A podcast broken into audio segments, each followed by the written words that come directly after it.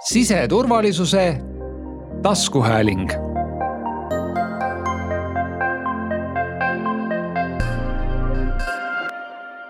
tere taas kuulamast siseturvalisuse taskuhäälingut. täna räägime ebausaldusväärsete riikide tehnoloogiatest ja nende ohtudest meie julgeolekule Hiina näitel.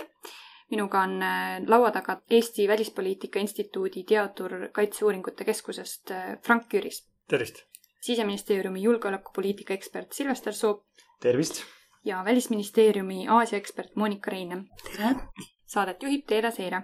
meil oli mõni aeg tagasi ka Ameerika Ühendriikide ja Eesti julgeolekuekspertidega koostöös seminar, kus selgitati Hiina ettevõtete ja tehnoloogiaga seotud riske. seal oli hästi palju näiteid äh, Hiina ettevõttest Nuktek, kes pakub muuhulgas ka julgeoleku valdkonnas kasutatavaid tooteid me mõningal juhul puudutame ka seda teemat täna, mis seal seminaril räägiti, aga Silvester, tahad sa äkki kohe algust teha, et äh, miks on vaja Hiina tehnoloogiast ja nendest ohtudest rääkida?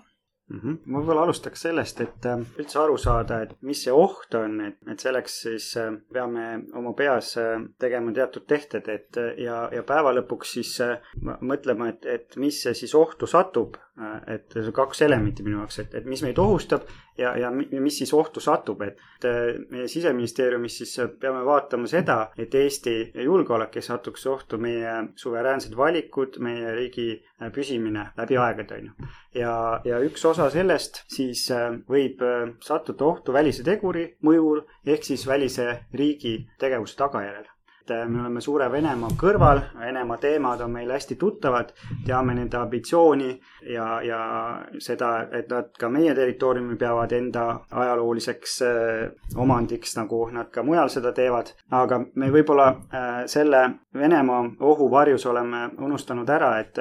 et maailmas on veel riike, kes sarnaste põhimõtete järgi elavad või toimetavad ja, ja Hiina paljudes kategooriates selle võrdluse Venemaaga siis, kuidas ma ütlen, sarnasusi on väga palju, et võib-olla nendest siis, mis need sarnasused on ja, ja miks kui Hiina meile ebausaldusväärne on, et saavad kindlasti Frank ja Monika rääkida, et Frank alles avaldas Äh,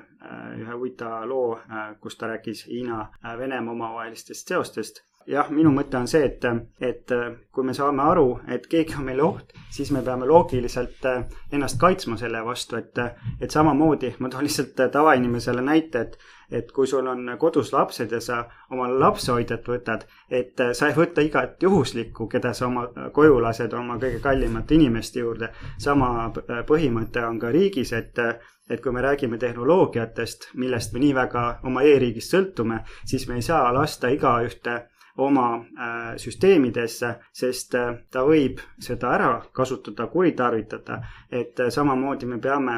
siin veenduma, et, et sellel oma toote-teenuse pakkujal ei ole halba kavatsust, et, et see lapsehoidja, kelle me omale koju laseme, et ta sealt meil asju minema ei viiks et me õhtul saaksime terve lapse tagasi. vot annaks siit jutujärje edasi, et, et rääkida seda, et milles siis see Hiina mõtteviis seisneb ja miks ta siis meile nagu ohtu kujutab, et meie, meie mõtete ja, ja aru arusaamistele.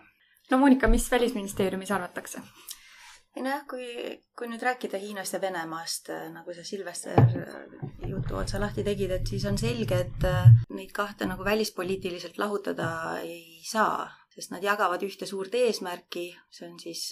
lääneriikide ja üldiselt demokraatia maailma nõrgestamine ja siin on tehtud erinevaid katseid, kas siis Hiinat enda poole meelitada või Venemaad enda poole meelitada, et see on täiesti tulutu tegevus. noh, me näeme, kuidas nad äh, teevad väga tihedat koostööd äh, suurtes rahvusvahelistes organisatsioonides, ÜRO-s,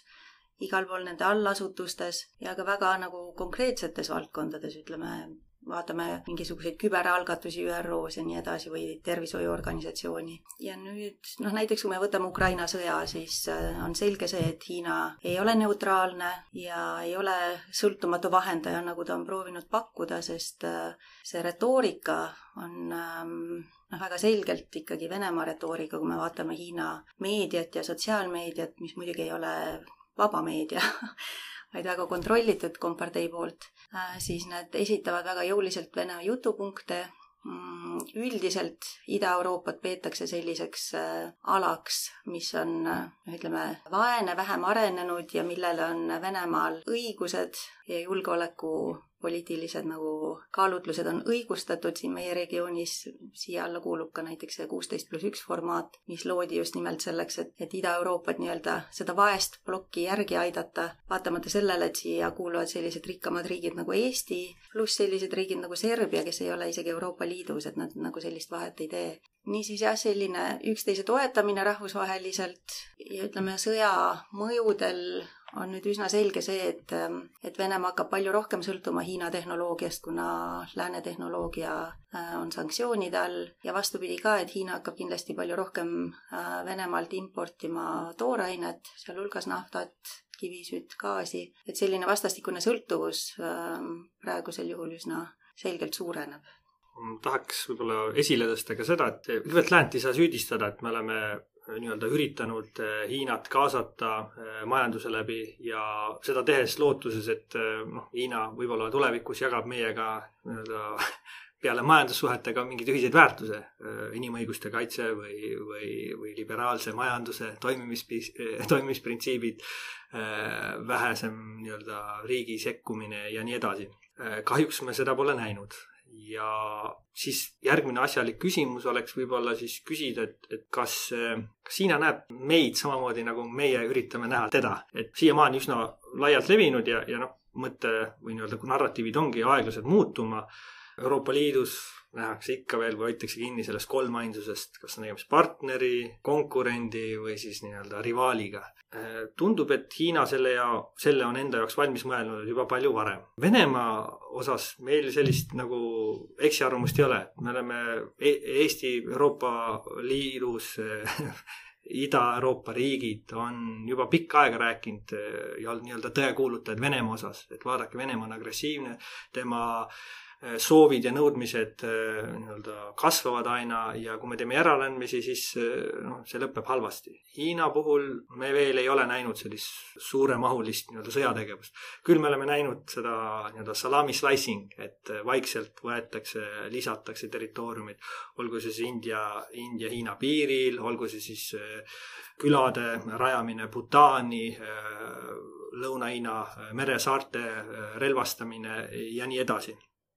aga teine küsimus või nagu, mis meil tihtilugu öeldakse, et Venemaa on lähedal, see on nagu eksistentsiaalne oht äh, ja, ja sellest saavad kõik aru, Vene ja Hiina on nii kaugel. jah, Hiina on kaugel, aga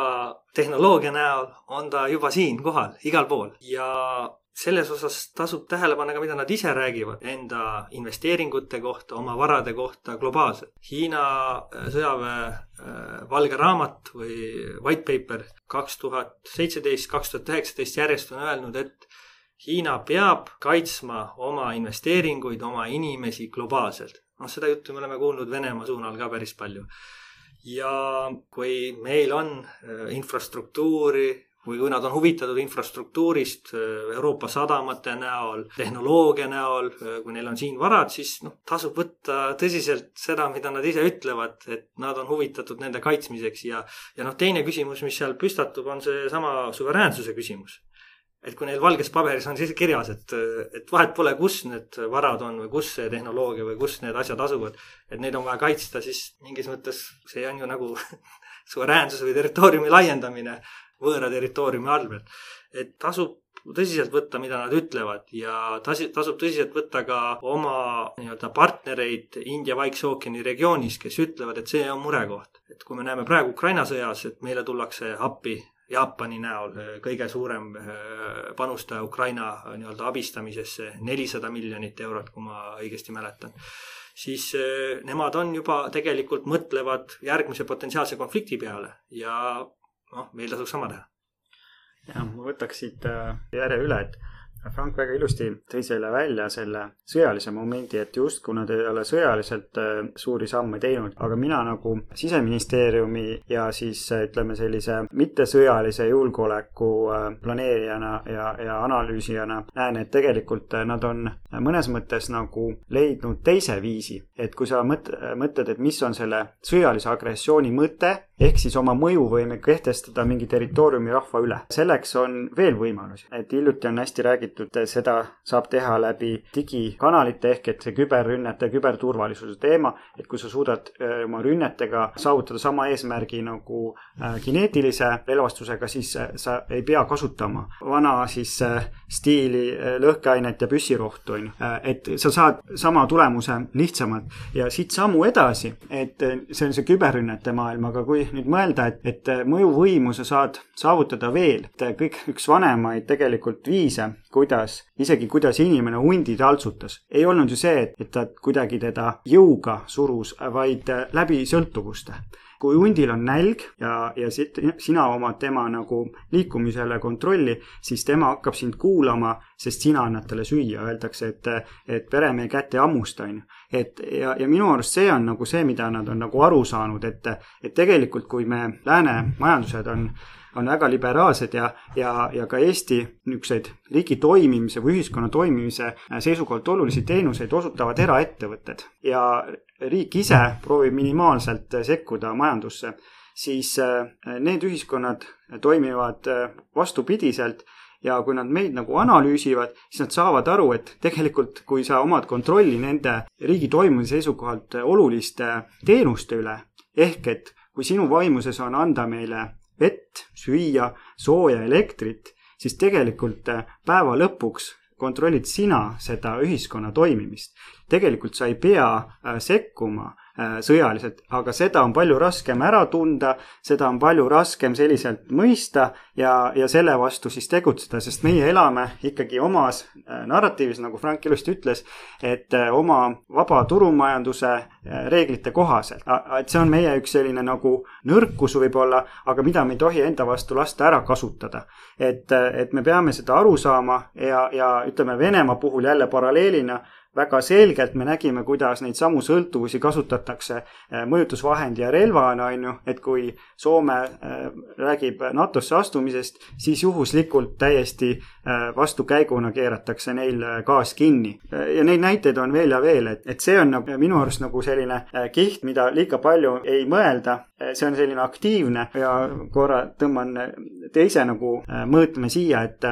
nagu igas konfliktis, ka sõjalises konfliktis, sa saad vastata vastase ees eelise, kui sa tead, mida ta plaanib. Ehk et see on selle tehnoloogia mõõde, et kui mina olen Hiina strateeg ja kui mina kontrollin neid infokanaleid, kus info liigub ja läbi selle on mul võimalik teada, mida äh, teine riik planeerib, mis samme nad mõtlevad, kuidas nad toimivad, siis mina tean selle riigi reaktsiooni või järgmist sammu, ehk et äh, mina olen sammu ees, et kui ma toon ta selle klassikalise sõjaväljale, et kui ma tean, kuhu vastase tank liigub, siis ma saan talle sinna miini ette panna. kui ma ei tea, siis ma olen samasuguses segaduses nagu muidu ja mul ei ole seda eelist, et, et sellist kaks dimensiooni, mis ma nagu välja tooks ja, ja, ja ütleks, et meie mittesõjalise julgeoleku planeerimises oluline aru saada ja sinna siis leida neid maandusi, et, et meie ei oleks lihtsalt ohvrid, et äh, sellises kellegi planeeritud tegevuses, et saaksime äh, laiemalt äh,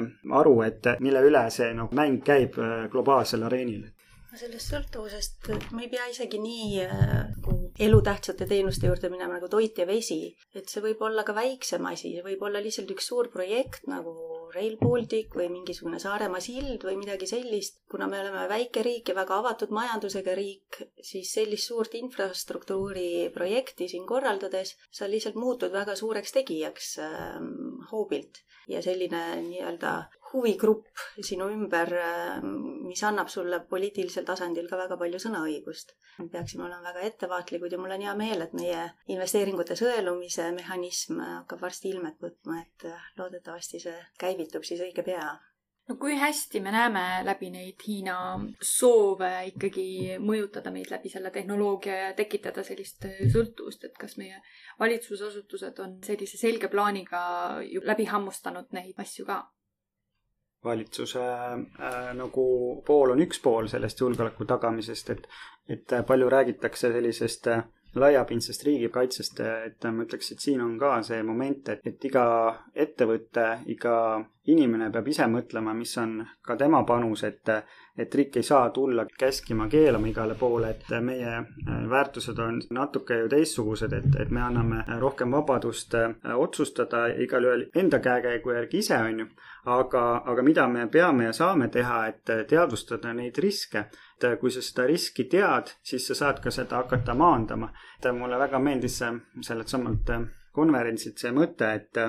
me oleme nagu harjunud tegutsema selliselt, et kui on probleem, siis hakkame lahendama. aga me peame nagu riigina, ka meie ettevõtted, kes meie seda riiki ja keskkonda siin loovad, Äh, mõtlema ka selliselt, et mis on see talutav risk, mida me saame võtta, sest me ei suuda iga probleemi äh, juurde minna seda lahendama, ehk et me ei suuda iga töötaja juurde panna oma töötajat, kes vaataks, mis ta seal teeb, on ju näitlikult, eks, et, et, et ja, ja kogu selle tehnoloogia juures on nii palju nüansse, et me ei suuda neid kõiki ükshaaval hallata, et me peame päeva lõpuks mingisuguse äh, nagu otsuse tegema, et kus see riskimäär läheb piisavalt suureks, et me üldse nagu ei võta seda riski nagu pardale, sest me ei suuda seda hallata, et äh, ja ma arvan, et see tehnoloogia nagu loob sellised äh, võimalused, et ütleme nii, et tehnoloogia areng läheb ees sellele, et me saame aru, et areng on ees nende ohtude maandamisest. ühest küljest hea, teisest küljest nagu halb, on ju. noh, riigi tasandil viimaste aastate jooksul me oleme ikka väga palju õppinud ja ma arvan, et see teadlikkus on kasvanud et võtame kas või selle 5G ja telekommunikatsiooni äh, turvalisust tagava seadusandluse, et ma arvan, riigi tasemel me oleme üsna okei okay. lihtsalt selgitada ka eraäridele, kelle eesmärk on ju teenida kasumit, mis tähendab seda, et turvalisus pööratakse nii vähe kui võimalik tähelepanu, sest see on kallis. nagu seda poolt peaks äh, kindlasti rohkem rääkima, nendest ohtudest nii-öelda Frank, sina oled ise palju Hiina keskkonnas ka viibinud, õppinud, käinud seal ülikoolis ja ja näinud nende kultuuri seestpoolt lähemalt, kui hästi me peaksime oskama nagu näha nende kultuuri, et mõista seda, mis nende järgmised sammud võiksid olla? no Hiina kultuuri peale mõeldes, seal on ääretult oluline osa on külalislahkusel, aga sellel külalislahkusel võib ka olla nii-öelda instrumentaalne meede et see külalislahkus on näiliselt või noh, taotluslikult nii ülevoolav. ja ma arvan, et samamoodi või nagu öeldakse tehnoloogia puhul äh,, ei tasu karta tehnoloogiat, tasub karta inimesi, tasub karta neid konkse, mis seal küljes on. no vot, samamoodi tasuks olla ettevaatlik selle ülevoolava külalislahkuse puhul ja siinkohal tuleks tähelepanu pöörata ka sellele, et Hiina väga hästi oskab oma just niimoodi sellist kultuurilisest pärandist tulevat külalislahkust ära kasutada enda huvide propageerimisel, edendamisel. ega tihtilugu noh, ekspertiis mingisuguses tehnoloogilises valdkonnas, ekspertiis teadusvaldkonnas ei pruugi olla otseselt ülekantav ekspertiisina Hiina kultuuri, Hiina poliitilise süsteemi, hiina keele äh, suhtes. ja seal teadupoolest äh, varitsevad ohud, et kui mm, nii-öelda heausklikult usutakse, et tegemist ongi mingi suure teaduskoostöö või teadusprojektiga, äh, ei pruugi aru saada, et vastasel poolel võivad olla hoopis mingisugused ähm, kavalamad või, või kurjemad plaanid ja Hiina teadlikult kasutab esiteks ära lääne ühiskonna nii-öelda avatust, lääne ühiskonna jagatust, et me ei ole keskse juhtimisega süsteemid. ja, ja Hiina on mingis mõttes olnud väga edukas, just kui me mõtleme psühholoogilise sõjapidamise peale, mida siin äh, enne, enne mainiti, et, et iga, iga sõjapidamine ei ole kineetiline ja, ja mis äh, ka mainiti äh, konverentsil Tzu kõige parem lahing on siis, kui ei peagi nii-öelda sõja, sõjajõudu kasutama, saab kavalusega hakkama. ja mingis mõttes võib öelda, et Hiina on väga edukas olnud psühholoogilises sõjapidamises. kui me kasvõi mõtleme selle peale, et ähm, Dalai-laama külastas Eestit kaks tuhat üksteist, pärast seda äh, oli meil nii-öelda diplomaatiline külm, külm sõda vastu vale sõnaga, nii-öelda vaikus ei toimunud, äh, oli raske ja eriti siis kannatasid, väidetavalt kannatasid piimatoodete eksportijad. ja see on hea lugu, see on hea lugu meedia mõttes, seda on hea rääkida, seda on hea võimendada, see müüb ajalehte, see müüb äh, nii-öelda, sealt tulevad klikid ja muud asjad. Aga kui me vaatame faktide peale, siis sellel ajal Eesti piimatoodete eksport, kogu piimatoodete ekspordist oli null koma null viis protsenti ehk siis lugu oli suurem kui tegelik kasu ja nüüd nagu näite peale, et kuidas see kaasaega või tänapäevaga seotud on, siis kui Eesti välisminister või Eesti äh, nii-öelda taandas või ei olnud nii kõrgetasemeliselt esindatud kuusteist pluss üks virtuaalkohtumisel Xi Jinpingiga Eesti osales mitte peaministri ega presidendi tasemel, vaid osales välisministri tasemel, siis esimene küsimus, mis meedias küsiti, oli, kuidas Hiina meid nüüd karistab. Ja mingis mõttes on see suurepärane näide sellest, kuidas see narratiiv on ühtlustunud. juba ollakse hirmul, ilma tegeliku nii-öelda majandusliku kasu saamata või, või kui majanduslikud suhted on nii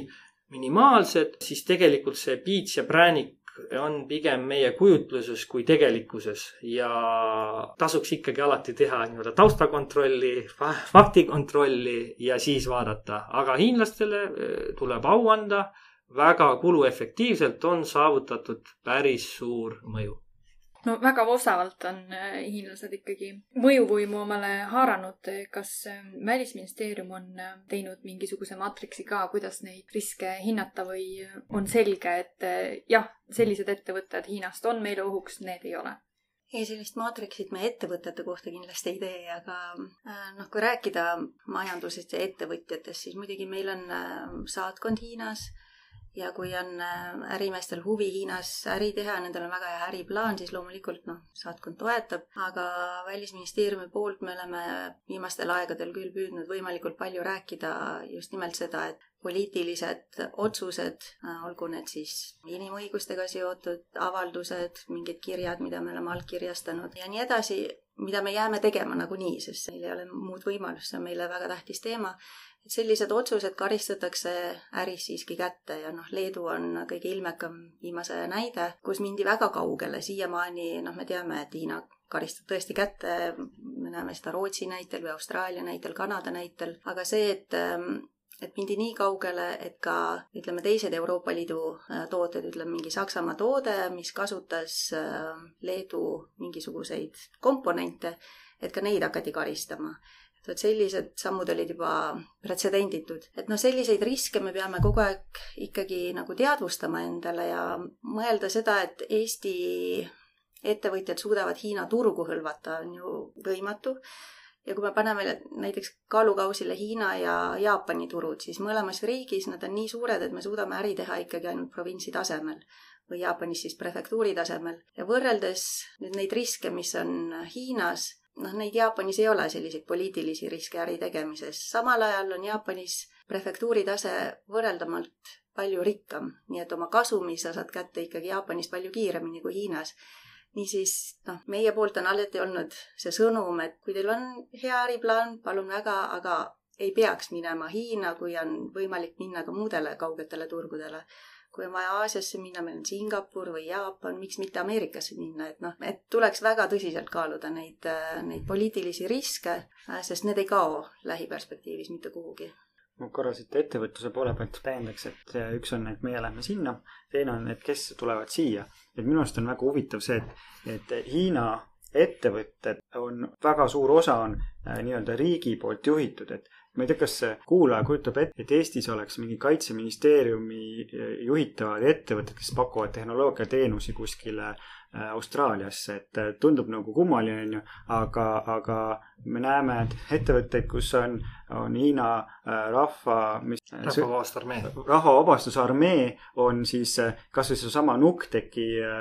omanik osaliselt, on ju. et aga mis eesmärki täidab see armee, on ju, milleks armeel sellist äh, ettevõtet vaja on, äh, on ju. et, et siit äh, noh, tekib sihuke küsimusi ja, ja mis me peamegi mõtlema, et, et kes siis need on, kes siin nagu toimetavad, et kui me saame aru, et nad on riigi poolt juhitud, on ju, siis me peame nagu natuke oma selles vaatenurgas tegema sellist ruumi sellele, et see, mida Monika kirjeldas ka, et kui meie vaatame, et me võib-olla on, on ärisuhted ja äritegemine, siis sellel Hiina riigi juhitud ettevõttel võib olla ka veel lisaks sellele ärihuvile mingi muu huvi. mis on Hiina ettevõtete toodete nagu põhine edulugu, on see, et, et sa saad odavamalt ja sama hea või parema toote. ja, ja meie majanduses, kui sa saad midagi odavamalt ja see on hea, siis sa ostad selle, sest eh, enamus hankeloogikat on selline ja enamus ettevõtted ju siis saavad oma kasumit selle võrra kasvatada või, või käivet, on ju aga ma võrdleks seda siukse natuke Trooja hobuse looga, et see nagu tundub, et sa saad nagu kingituse. aga seal on mingi konks, on ju, seal on mingi tagamõte, on ju, mis sinna nagu tuleb juurde, millest sa saad aru siis, kui sa oled selle oma väravast sisse lasknud. meie nagu siis proovime sedasama dilemmat lahendada siin, et äh, kui me räägime Hiina ettevõtted Eestis, Euroopas, siis, äh, siis me vaatame nagu ühtemoodi. kui me vaatame võib-olla Eesti ettevõtted Hiinas ja, ja sealkandis, siis, äh, siis vaatame natuke võib-olla teistmoodi, et siseministeerium siis keskendub sellele, et kuidas me siis Trooja linna värava kaitset siis korraldame ja lahendame seda, et kas ta siis on kingitus heast südamest või on, on seal veel mingid konksud küljes, et kuidas me seda aru saaks? no kui ma saan kingituseks omale, no ütleme, Huawei telefoni on ju ilus äh, Hiina tehnoloogia jõuab mulle jälle karpi koju. kas ma peaksin olema ettevaatlik, kas sellised valmis toodangud, seadmed,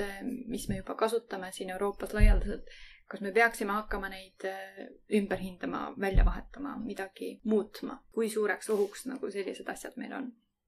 et äh, Huawei äh, telefoni osas ma ei oska kommenteerida, aga, aga sellesama Nukteki näitel, et kui me räägime, et see on noh, samaväärse kvaliteediga ja odavam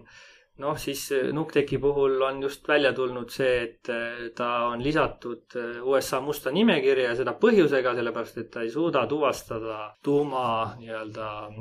aine või materjali liigutamist. Ja see siis tähendab seda, et ta ei suuda täita ühte temale pandud ülesannet. no mm, raha kindlasti on oluline, aga samas julgeolek maksab ka midagi. Eesti riik minu teada riigiasutustes kuskil Kaspersky teenuseid ei kasuta sellel on kindlasti mingisugune põhjus, julgeolekuga seotud põhjus. no see, et Nuktek ise suudab pakkuda nii odavat hinda äh, nende röntgenseadmetega, peaaegu kolmandik odavam äh, nii-öelda konkurentidest, no ma julgeks ka arvata, et seal võivad olla kas mingid strateegilised huvid,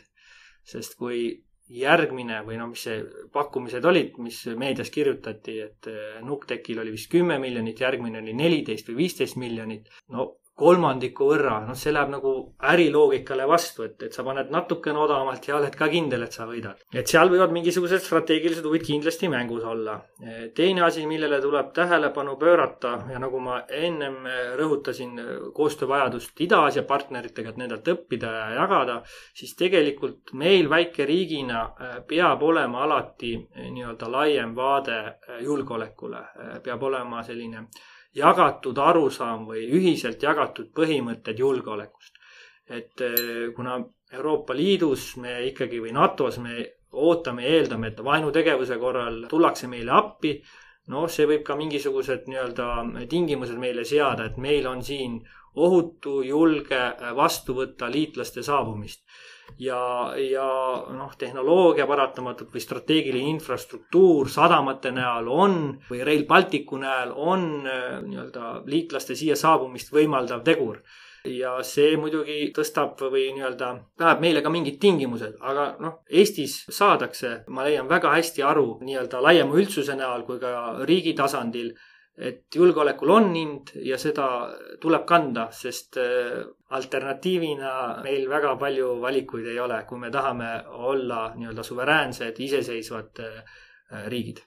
no mis see kõige halvem stsenaarium saaks olla, mis Hiina tehnoloogia meile põhjustada võiks? tahab keegi selle üldse välja öelda no selles mõttes äh, siin on veel, ma ütlen veel kord, kaks nagu mõõdet. üks on see, et meil äh, ei ole otsustusvõimalust, et kui me vaatame, äh, võtame Aafrika kaardi korra ette ja ma ei tea, avalikud allikad Youtube'ist leitavad, et, et vaadata seal võrdluseks Hiina investeeringud ja Hiina sõjaväebaasid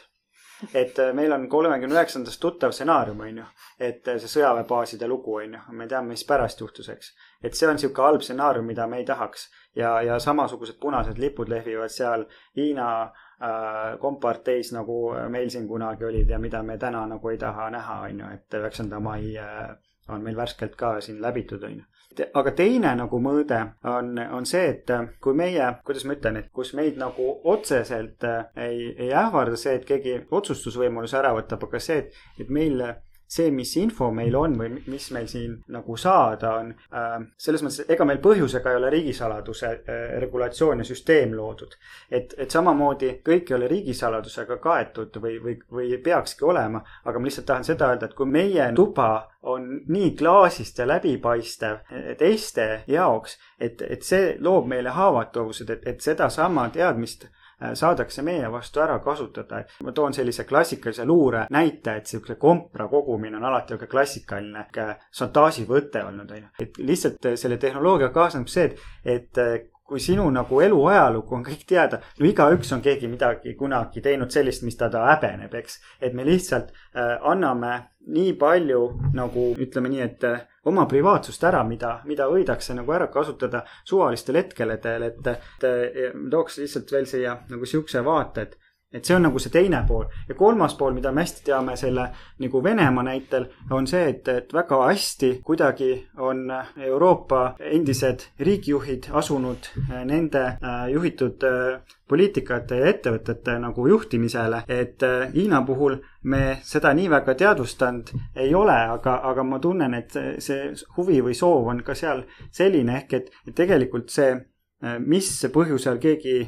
nii-öelda Hiina poliitikat edendama hakkab või nende huve, et, et seal võivad, ma pakun, olla erinevad äh, põhjused, et aga kindlasti ei tasu alahinnata seda, et, et meie elanikkonna ja inimeste andmed peavad olema kaitstud, et see on, see on kindlalt meie üks äh, riigi eesmärke ka, et, et sellepärast me ei saa lasta igaühte siia võrkudesse ja süsteemidesse toimima, et kui inimesed usaldavad oma andmeid riigile, et saada head teenust riigilt, siis me peame suutma seda kaitsta ka. ja samamoodi peavad need ettevõtted, kes pakuvad teenuseid, sedasama tegema. oluline moment, et meil ei, ei ole selline avatud korv, kust igaüks võib tulla ja vaadata ja võtta, mida tahab, vot kas see tähendab, et me peame hakkama kõike oma, ma ei tea, ametialast teavet võib-olla rohkem varjul hoidma? ei tähenda, et me kõik just riigisaladuseks teeks, nagu sa ütlesid, aga pigem vähem kui rohkem ma või? Mhm. väikse repliigina, et me sellest alustasimegi, et usaldusväärsed partnerid ja ebausaldusväärsed partnerid. et kui sa oled mulle usaldusväärne partner, siis sa võid tulla mul iga õhtu kohvi jooma ja meil on nagu kõik hästi kui tuleb selline musta villamütsiga, vilavate silmadega tüüp mulle kohvi jooma, siis mul ei ole eriti hea tunne, et kui ma kodust ära lähen, et kas ma sealt pärast midagi leian ka, on ju. et see on see küsimus, et kes on meil usaldusväärne, kes ei ole. et, et me ei pea neid andmeid äh, hakkama seadustega lukku keerama, me peame lihtsalt valima omale partnerid, et me ei saa olla naiivsed selles osas, et, et kõik on meil maailmas äh, sellised ühtemoodi head, et paratamatult äh, Hiina filosoofia kehtib ka siin, et äh, yin-yang ja hea ja halva tasakaalud on ka siin äh, laual. Frank tahtis lisada. ma tahtsin lisada selle täpselt, ma ei mäleta, kuidas see küsimus oli. kõige halvem stsenaarium, jah. kõige halvem stsenaarium. kõige halvem stsenaarium on või nagu Hiina kultuuris pika ajaloo jooksul on see juhtunud, et need rahvad isegi, kes on Hiinat nagu vallutanud või üritanud vallutada, siis mis on juhtunud, nad on hiinastunud Nad on võtnud omaks Hiina kirja, Hiina ri-, rietumis, Hiina rituaalid, Hiina kombed. Ja see on, ma arvan, nagu mõtlemiskoht, et eh, kui Hiina teeb kurja häält ja me teeme kohe järeleandmisi inimõiguste teemal, siis eh, kas meie pigem ei muutu samamoodi natukene järeleandmisi tehes ise rohkem Hiina moodi? Ja kui me räägime, et, et Euroopa Liit, et see ei ole lihtsalt ainult majandus, ühendus või, või majandustsoon, et see on ka nii-öelda ühistel väärtustel põhinev kogukond, siis inimõigused paratamatult on üks selle osa siis järgmine või nagu, mis on praegu nii-öelda majanduspoliitikas, energiapoliitikas oluline, on keskkonnakaitse, keskkonnahoid. et kui need on meie jaoks olulised teemad, meie ühiskondi siduvad ja mulle tundub ka, et uue põlvkonna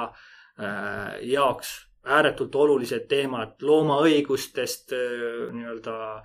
veganluseni välja, siis tegelikult tuleks nende õiguste või nende põhimõtete eest ka julgemalt seista, mitte häbeneda olla see, kes me oleme. Aga selles nii-öelda järeleandmisi tehes me mingis mõttes kogu aeg lõhestame oma identiteeti ja mingis mõttes ka siis nii-öelda lõhume oma ühiskonna sidusust. Et ei tule karta nii-öelda partneriga diskussioonis olles, Hiinaga koostööd tehes, ei tule karta iseendaks jääda ja selgelt öelda, mis on meie väärtused, mis on meie põhimõtted ja nende eest seista et eh, kui me igaüks tahame olla nii-öelda väiksed pudupoodnikud ja üks-ühele väikses viisis äri teha, noh siis Hiina kasutab meie nii-öelda lõhestatust ja meie väiksust eh, meie vastu ära. aga koos tegutsedes ühistelt printsiipidelt, ühistelt põhimõtetest, väärtusest lähtuvalt on meil lootust. Aeg lendab äh, rutates, sest teemad on põnevad ja võiksime siin kindlasti teha neli erinevat saadet, äh, kõik äh, nendelt erinevatelt tahkudest julgeolekust ja, ja sellest Hiina tehnoloogiast ja nendest ohtudest meile. aga kui nüüd lõpetuseks anda teile selline viimane hea mõte meie kuulajale kaasa, siis Monika, mis sina ütleksid kuulajale, kui ta peab nüüd valima kui ta on poes ja ta tahab osta sellist toredat tehnikavidinat, mis võib-olla on soodne ja tulnud otse sealt äh, Hiina maalt meile, mis sa talle südamele paneksid? poes üksikisikuna, ma arvan, ostku see, mis tal meeldib lõppkokkuvõttes. Ähm, tähtis on see, et, et me vaatame riigi tasandil, suurte majandusotsuste tegemise tasandil, inimõiguste tasandil, et sellistel nagu strateegilistel tasanditel meil oleks äh, õiged otsused tehtud ja me suudaksime kontrollida, missugused tehnoloogiad meil siin üldse ringlevad, see üksikisiku üks Huawei telefon, no las ta siis olla aga oluline on see lihtsalt, et, et me väärtustaksime seda, et meil on demokraatia, et me saaksime rohkem ja väga tugevat koostööd teha teiste demokraatliku riikidega, sest äh, seda, missugune oli kompartei valitsus, seda me kõik mäletame. võib-olla võtaks enda nagu mõtte kokku sellega, et äh, võib-olla tõesti, et äh, kui laps tahab Tiktokis vaadata neid tantsuvideosid või, või, või õhtul mõnusalt telekast mõnda toredat Hiina multikat, on täiesti tore ja, ja, ja okei. Okay julgeolekustrateegina me peame selgelt nagu aru andma, kellele me anname võtme meie riigi toimimisele. ehk et riigina ikkagi me peame tagama, et meie riik ja ühiskond toimiks. Ja, ja seal on see võib-olla kaalukoht, et kus me peame hakkama neid raskeid valikuid tegema et, et veel kord, sellel nagu mündil on kaks poolt, jah, majandus ja, ja äri ja need loogikad, aga selle mündi teine pool on siis see julgeolek, et me ei kaotaks sellega iseennast, nagu Frank ilusti ütles, ja oma põhimõtteid ja väärtusi ja meie põhiseaduse põhimõtet, et Eesti riigi, rahva ja keele ja kultuuri säilimine läbi aegade, et see on meie eesmärk, mida me peame hoidma. mul oleks hästi lühikene repliik, et mul oleks raamatu soovitus Chinese Negotiation Behavior, eh, Richard Salomoni raamat. Ja siis räägibki Hiina kultuuri näitel ja eh, läbirääkimiste eh, näitel, kuidas Hiina kasutab oma nii-öelda meelitusi oma soovide läbisurumiseks läbirääkimistel. Ja see siis kätkeb eelkõige siis näitena USA-Hiina suhete normaliseerumise perioodi. ja noh, üks selline markantne näide, kui ma õigesti mäletan sellest samast raamatust, oli, et äh, suur strateeg Henry Kissinger ütles pärast äh, Hiina napsu ja siis Pekingi pardi söömist, et ta on nõus kõigele alla kirjutama no meie täna kõigele alla ei tahaks kirjutada, aga aitäh, Monika, aitäh, Frank ja aitäh, Silvester, et äh, niimoodi põgusalt, väga põgusalt jõudsime seda teemat eh, lahata. ja, ja lugemissoovituse nagu Frank juba andis, et mm. võib leida ka lingid siis nendele suhteliselt eh, neutraalsetele analüüsidele, mis sedasama ohtu ja, ja muret kirjeldanud siis. no saladuskatte all võime ju öelda, et taolistel teemadel tuleb meil seminare ja infopäevi kindlasti veel nii meie partnerite kui meie enda poolt, et äh, siseministeeriumi Facebooki lehel tasub alati silma peal hoida, jagame kõiki selliseid äh, seminare ka seal. siseturvalisuse taskuhääling